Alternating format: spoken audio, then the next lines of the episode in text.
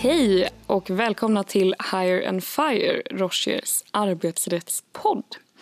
Eh, jag som sitter här heter Elin Osbeck och är associate i arbetsrättsteamet. Och med mig har jag också min kollega. Mitt namn är Victoria Bergholtz. Jag jobbar som senior associate i arbetsrättsgruppen. Och med oss här i studion idag så har vi Samuel Engblom, eh, samhällspolitisk chef på TCO, Tjänstemännens centralorganisation. Eh, hej Samuel! Hej! Vill du berätta lite kort om dig själv? Ja, eh, jag heter alltså Samuel Engblom och är som du sa samhällspolitisk chef på TCO. Jag är tidigare chefsjurist på samma eh, organisation och jag har också en bakgrund som, eh, som forskare i eh, arbetsrätt. Just det, vad roligt. Och dagens ämne är ju arbetsmiljöansvar och gigekonomin i stort. Och det är ju ett ämne som du har hållit på mycket med och väldigt profilerad i. Men en av orsakerna till att vi pratar om det här just nu är ju också att vi är i väntans tider. Eh, 2019 i oktober kom det en dom från kammarrätten i Stockholm där eh, det gällde Arbetsmiljöverket och Cool Company. Eh, och de här hade olika åsikter om huruvida Cool Company kunde påföras en sanktionsavgift rörande brister i arbetsmiljön. Och nu går vi och väntar på en dom från Högsta förvaltningsdomstolen i det här området som känns väldigt viktigt. Och då får vi prata om praxis och diskutera frågan. Samuel, var tycker du att man ska börja nysta när man funderar på arbetsmiljöansvar och gig? Ja, alltså man får ju, som i alla sådana arbetsmiljöfrågor så får man, gäller det ju att börja nysta i ansvaret. Och där kan man väl säga att eh, den svenska arbetsmiljölagen, precis som Eh, motsvarande lagstiftning i andra länder, eh, har ju som sin utgångspunkt att man har ett ansvar för sina arbetstagare. Men och så finns det då också utsträckt ansvar, det vill säga att man kan ha ansvar för andra än sina egna arbetstagare. Och det är ju ett ansvar som ofta kommer från en byggarbetsplatssituation. Ibland så står det då uttryckligt att det här handlar om byggarbetsplatser.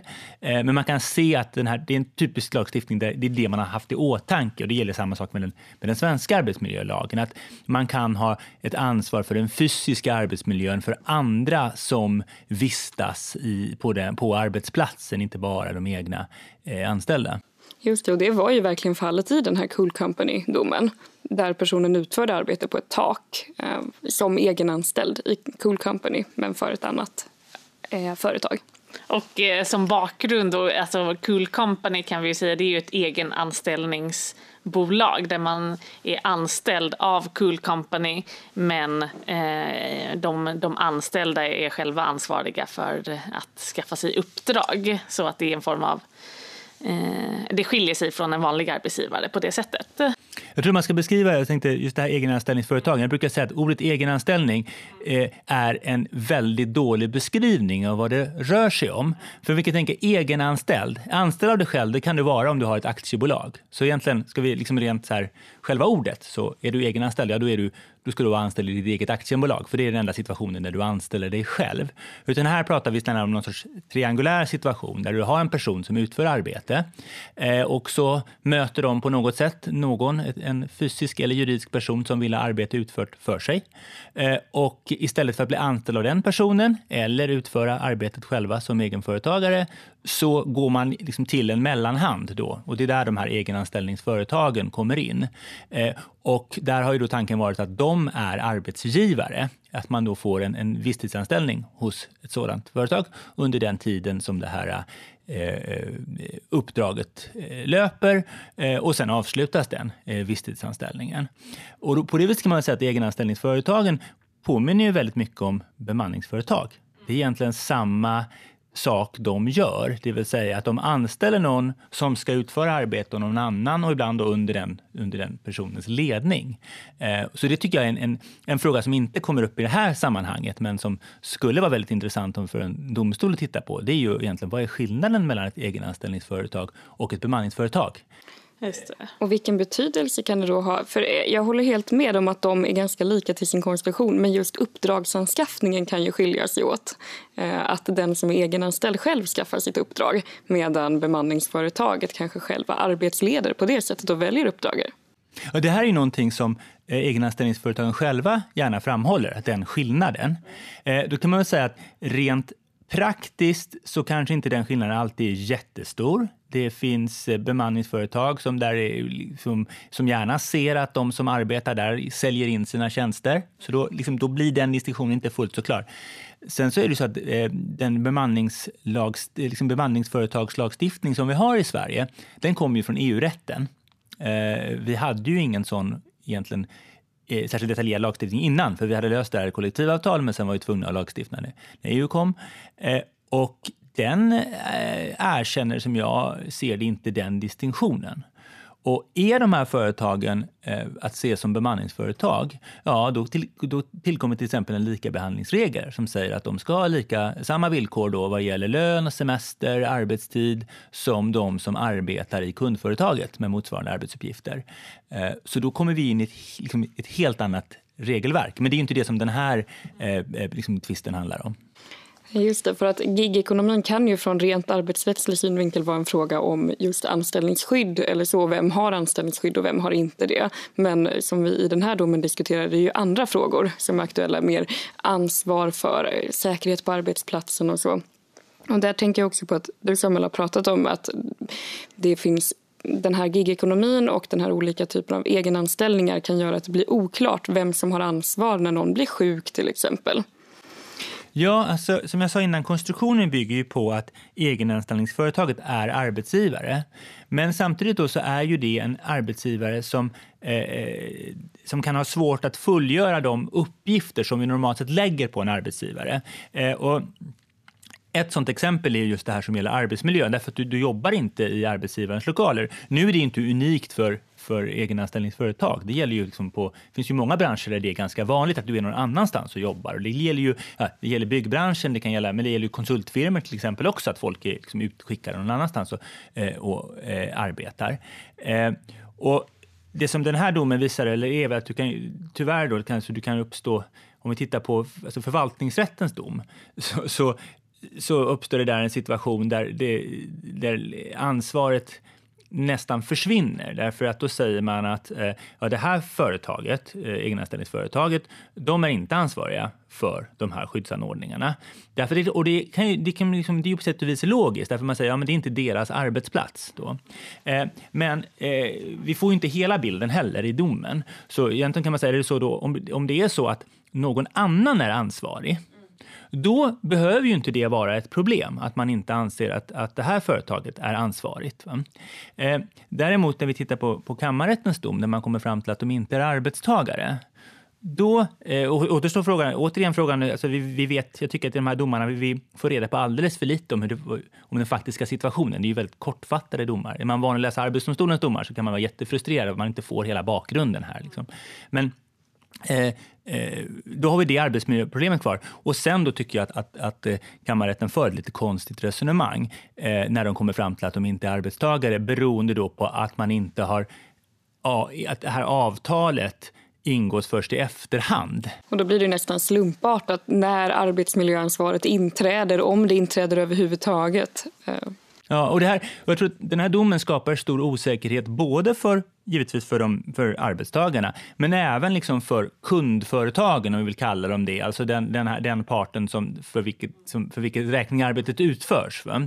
Därför att det är klart att då vet, här eh, kommer då en person och säger att nej, men ni behöver inte anställa mig eh, därför att jag kör det här via e, ett egenanställningsföretag. Ja, men bra, säger de. Det är ju enkelt för oss allihopa. Då bara väntar vi på fakturan för dem och så betalar vi och så har vi inte det ansvar som normalt sett kommer eh, med att vara arbetsgivare kring Liksom, ja, rehabilitering om någon skulle bli sjuk och så. Eh, men så säger kammarrätten att nej, om det här är så att, de, att, att, eh, av, att avtalet med med eh, eh, kundföretaget har ingått, liksom om man har påbörjat arbetet egentligen, för det, oftast finns det inget avtal där, utan rent formellt, utan om man har påbörjat arbetet innan eh, avtalet ingås mellan eh, egenanställningsföretaget och kundföretaget, och då föreligger ingen, eh, ingen arbetsgivar-arbetstagarrelation mellan den som utför arbetet och egenanställningsföretaget då skapar det ju en, liksom en väldig osäkerhet. Där skulle man ju verkligen önska att de, även om inte det binder förvaltningsrätten eller kammarrätten, att man kunde ha en öppnare dialog mellan eh, det bolag där man utför det här arbetet och den egenanställningsbolaget så att man i alla fall pratar om vem, som, vem parterna själva anser har arbetsmiljöansvar.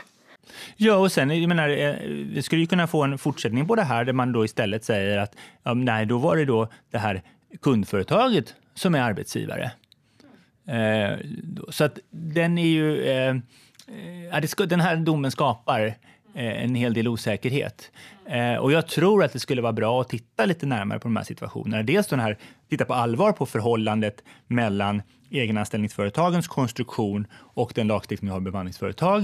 Eh, men sen också det här lite och, och, klart att den här den praktiska betydelsen av att saker och ting att man, man ibland ingår de här avtalen i efterhand. Ja, precis. För en omvänd fråga då blir om det hade funnits ett uppdragsavtal, hade då egenanställningsföretaget haft det här arbetsmiljöansvaret? Det kan man väl säga, den, den, det är väl lite den frågan som förvaltningsrätten svarar på. Eh, och de kommer då fram till att det inte gör det eh, eh, utifrån att de menar att, att de har inte eh, liksom, de har inte den rådigheten över den här arbetsplatsen och ansvaret för de här fasta anordningarna, utan det är någon annan. Sen verkar det ju vara eh, någon sorts diskussion också om huruvida det är en privatperson som det här ut arbetet utförs för eller om det är ett annat företag. Men där, där känns det, där vet vi för lite i, i domen. Eh, men jag tror att de flesta skulle nog tycka, som har sett på det här, så skulle nog tycka att för, alltså förvaltningsdomstolen, det känns mer väntat. Och då säger förvaltningsdomstolen säger också att det är ostridigt, eh, eh, alltså frågan om den här personen är arbetstagare hos egenanställningsföretaget, den är ostridig. Och sen kommer förvaltningsrätten fram till att nej, det är de inte. Och det är också ganska intressant, så rent, eh, man skulle vilja hört hur, hur resonemanget gick i, i domstolen. Just det, men, men så de, de tänker sig på något sätt då att eftersom den här personen har ingått uppdragsavtalet utan att följa instruktionerna från Cool Company om att Cool Company ska vara part till uppdragsavtalet så ska Cool Company då inte behöva stå stå för det misstaget egentligen. Nej, men ja, det är klart, alltså, man förstår ju då att då tänker de så här att eh, eh, eh eh, när det här, eh, när så, eh, den arbetspresterande parten, eh, då, om vi får kalla den, eh, då börjar ju arbeta med det här arbetet. Ja. Och då har de väl sagt till eh, då, eh, den, den, så säga, den arbetsköpande parten, då, det, det kundföretaget, att eh, nej men ni behöver inte anställa mig utan jag kör det här via Cool Company. Ja, fine, säger de. Och sen så tar ju det, fin, uppenbarligen, det, där man, det framgår inte heller, är det så att eh, alltså några dagar in på det här uppdraget så ingås det här andra avtalet? Eller är det så att det är först i efterhand. Eh, och det kan jag tänka mig att det lite grann i så det kan fungera. Om du gör ett upp, kort uppdrag tre dagar och sen sätter jag mig på helgen och gör min administration och då fixar jag det här med, med Cool Company och, för att de ska fakturera, att du tänker det. Men det som hände här var ju då att Arbetsmiljöverket kom emellan och hade en inspektion. Alltså så mycket vet vi och det verkar ju då som att den inspektionen skedde under den tiden som det inte eh, innan det fanns något avtal formellt mellan Cool Company och det här. Och då är det klart att då, då, kan, då är det svårt att säga att Cool Company har något ansvar, för de vet ju inte ens att det här... Alltså det, där finns ju inget avtal, så det hade ju varit orimligt för då, eh, att, att avkräva dem ett ansvar det. Men att sen säga att de inte är... Men att, eh, det känns som att förvalt, liksom, kammarrätten tar sig ur det här på ett lite konstigt sätt genom att säga att de inte är arbetsgivare på grund av att avtalet har ingått. Jag tror att ett annat resonemang hade känts mer Eh, eh, naturligt. Och det, känns, det, är så, men det är så väldigt mycket här som vi inte vet, eh, känns det som, som inte framgår av de här domarna. Så. Just det, och om man skulle eh, vidga perspektivet lite, nu har vi pratat om egenanställningar, men en annan viktig del av ekonomin är ju också plattformsbolag. Hur ser du på det? Liksom? Har de arbetstagare i arbetsmiljömening? Eh, eller för den delen andra rådighet. Mm. Och plattformsföretag, till skillnad från egenanställningsföretag, de eh, är ju inte arbetsgivare på samma sätt, eh, enligt dem själva i alla fall. Eh, utan det, det är företag där anställda har egna eh, bolag eh, eller eh, egna, egna eh, firmor och utför uppdrag via en plattform. Och, plattform. eller så. och plattformen då blir ju länken mellan mm. den som beställer någonting och den som utför mm. någonting. Mm. Jag skulle säga att frågan om huruvida ett, ett plattformsföretag, och då, ni har ju, det, det är ett ganska vitt begrepp i det ni liksom mm. nämner. Det kan vara Uber, det kan vara Foodora, men det kan också vara någon förmedlare av konsulttjänster och sånt. Jag skulle säga att den frågan har ju inte ett generellt svar, utan den beror ju på hur man organiserar verksamheten. Och nu har vi, vi har ju inga sådana domar i Sverige än, arbetsrättsliga domar, men vi, i, som gäller till exempel Uber och Foodora och de här. Men vi har ju det från andra länder. Mm, och det kom väl en dom i Storbritannien? va? Ja, och det kom en fransk dom, Coup de cassation, förra veckan Ah, okej. eh, eh, som jag läste med stor glädje. Därför att eh, när jag höll på med min avhandling då för, för 20 år sedan så var jag, höll jag på att läsa mycket Coup de cassation-domar. Och då fanns det en dom från 1909 som gällde taxichaufförer. Och jag har hela tiden hävdat att den där domen eh, från 1909, den, den, den eh, gäller fortfarande och den, den säger en del om, om var man kommer landa. Och vad man kan säga är att de här plattformsföretagen, som, eh, ofta är de ju beroende av att kunna, alltså de som, framförallt de som vänder sig till konsumenter, de är beroende av att kunna sälja en standardiserad tjänst. Vi vill veta vad det är vi får. I vissa fall det tror jag till och med det har varit en ganska viktigt Eh, argument, alltså försäljningsargument. Att du ska kunna ta en Uber var som helst i världen och veta vad det, här, vad det är för tjänst du får. Mm. och det finns, för det finns regler om säkerhet, du ska veta hur mycket du vill betala. Man försöker säga att, eh, att med oss så slipper du det som kan vara avarter i taxibranschen i en del länder. Va? Det är ju liksom, har varit ett starkt, viktigt försäljningsargument. Men ska du standardisera en tjänst, då måste du sätta upp regler för de som utför tjänsten. Och ska du få dem att följa reglerna så måste det finnas sanktioner. Och tittar man på de här, det finns den här fantastiska brittiska domen som är sån här som en brittisk dom kan vara. De citerar Shakespeare och sånt. Och sen finns den här franska domen, den är betydligt torrare eh, som franska domar kan vara, men å andra sidan kortare. Det finns några amerikanska domar som är ganska spännande, också välskrivna. Och det de alltid landar i, det är ju då att eh, de, de, de, eh, det slutar nästan alltid med att de anses vara eh, anställda hos de här företagen. Just på grund av att de, de kräver den här kontrollen.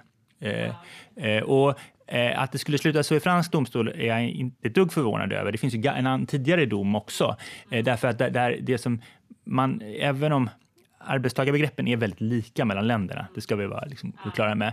Men i, i Frankrike så pratar man om att det handlar om subordination. Det är det som är det viktiga, din underordning till. Och i den här domen från 1909, då sa man att en taxichaufför, han kunde vara, liksom, eh, faktiskt vara arbetstagare trots att han kunde välja väg.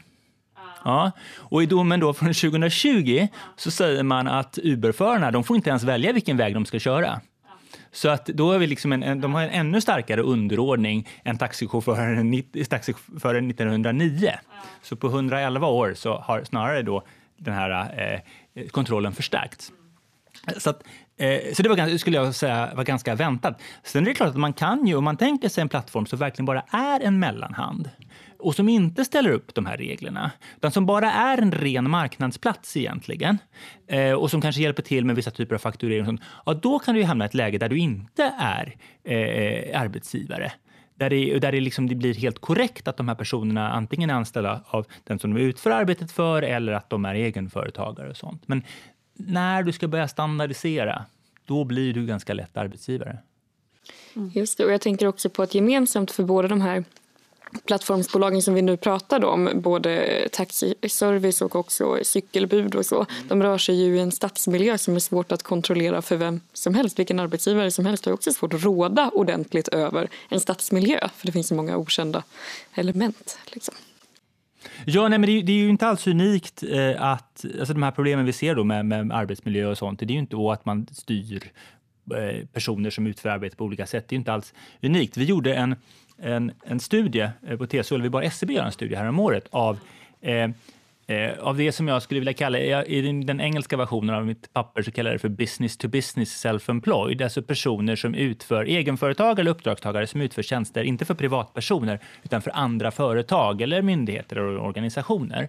Eh, just för att vi ville undersöka hur styrda de är och hur, hur mycket de påminner om arbetstagare. Och som jurist då, så kan man ibland vara frustrerad med en del eh, arbetsmarknadsstatistik, för den är ju inte framtagen för våra behov, den svarar inte alltid på de frågorna som vi vill. Det är kanske andra ekonomer och sociologer och sånt som har ställt frågorna.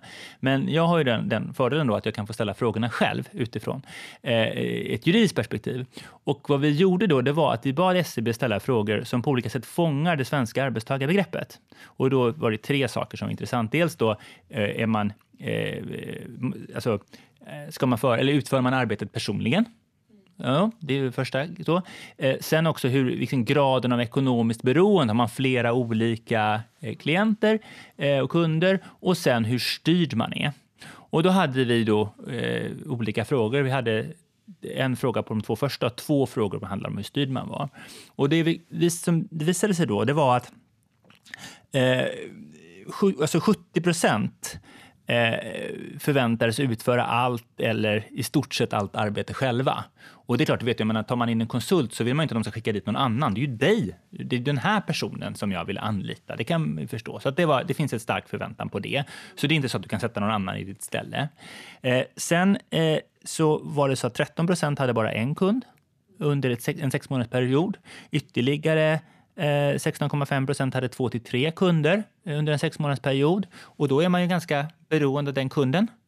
Eh, sen frågade vi faktiskt, eh, en, vi ställde en annan fråga som handlar om hur, hur säker man kände sig på sitt jobb. Alltså hur, hur, hur risk för, upplevde risk för arbetslöshet. Och det var så att upplevde risk för arbetslöshet, den var lägst bland de som hade antingen en kund, så det är klart, du har en stabil relation, ja, liksom så.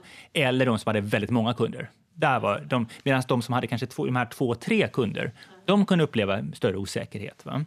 Eh, men sen den sista frågan, det var ju om det här vi skulle försöka mäta graden av integration i arbetsgivarens eh, verksamhet. Och då var det så att 27 procent bedömde vi hade en, liksom en hög grad av integration, att arbetsgivaren bestämmer hur du ska utföra, utföra arbetet. Du samarbetar med arbetsgivarens eh, personal och sånt. Den, eh, eh den typen av liksom, indikationer. Eh, och sen kunde man se hur mycket de här överlappar. Och då sa vi ungefär eh, 9% av de här egenföretagarna eh, uppfyllde alla tre. Så de var väldigt lika eh, arbetstagare. Det är inte samma sak som att de är falska eh, eh, egenföretagare. En del av dem kan vara det. En del av de här andra som inte uppfyller alla tre kriterierna kan också vara det, för det, man får ju verkligen se till det individuella fallet. Men det gav ändå en indikation och, och en slutsats som vi drog det var att man nog bör se över arbetsmiljölagstiftningen. Eh, som jag sa innan, det finns ju det här ansvaret då för, Eh, för den fysiska arbetsmiljön för andra än eh, dina egna anställda. Men vi menar, precis som en, en utredning som kom 2012, att man även borde se över eh, ansvaret för den eh, organisatoriska och sociala arbetsmiljön. Eh, därför att det är klart att, att menar, om du kommer in som Eh, säg att du kommer in som IT-konsult, du jobbar på ett företag under en lång period, du jobbar tillsammans med de anställda. Är det väldigt dålig stämning, du kan ju komma in liksom i, en, så här, i, en, en, i en nästan förgiftad miljö. Eh, och det är klart, och där, då är det ing, idag så har inte eh, eh Eh, liksom, eh, då, kundföretaget har inte ansvar för din arbetsmiljö. Eh, eh, och du kan ju må väldigt, väldigt dåligt av det här. Det kan få stora konsekvenser. Och din arbetsgivare är ju inte heller det på det viset, därför att de kan inte kontrollera den arbetsmiljön. Så där, där skulle vi vilja kunna till och med bredda ansvaret. Men har egenanställningsföretag, har de ens en organisatorisk arbetsmiljö? Jag tänker ofta om man, om man är egenanställd har man väl inte träffat några av sina kollegor överhuvudtaget, för de har väl inte fysiska arbetsplatser? Nej, nej och där, det blir ju då ett problem därför att eh, som jag säger, det är klart att man ska inte ställa krav på att eh, eh man ska ju ställa krav på rätt personer. Man ska ju ställa på krav, krav på de som kan göra någonting åt det. Mm. Eh, och det är klart att, att eh, eh, det, här, det jag pratade om här, den här utvidgningen, mm. den är ju en, en utvidgning för just det ansvar som du har för andra. Sen har du alltid som arbetsgivare ett eget ansvar. Och det är ju det som är problematiskt med egenanställningsföretagen, att man, ska, man poserar som arbetsgivare. Mm. Man säger att man är arbetsgivare, men det är egentligen ett skal. Det är ju en faktureringstjänst där man också då tar på sig någon sorts arbetsgivaransvar som man har väldigt svårt att uppfylla.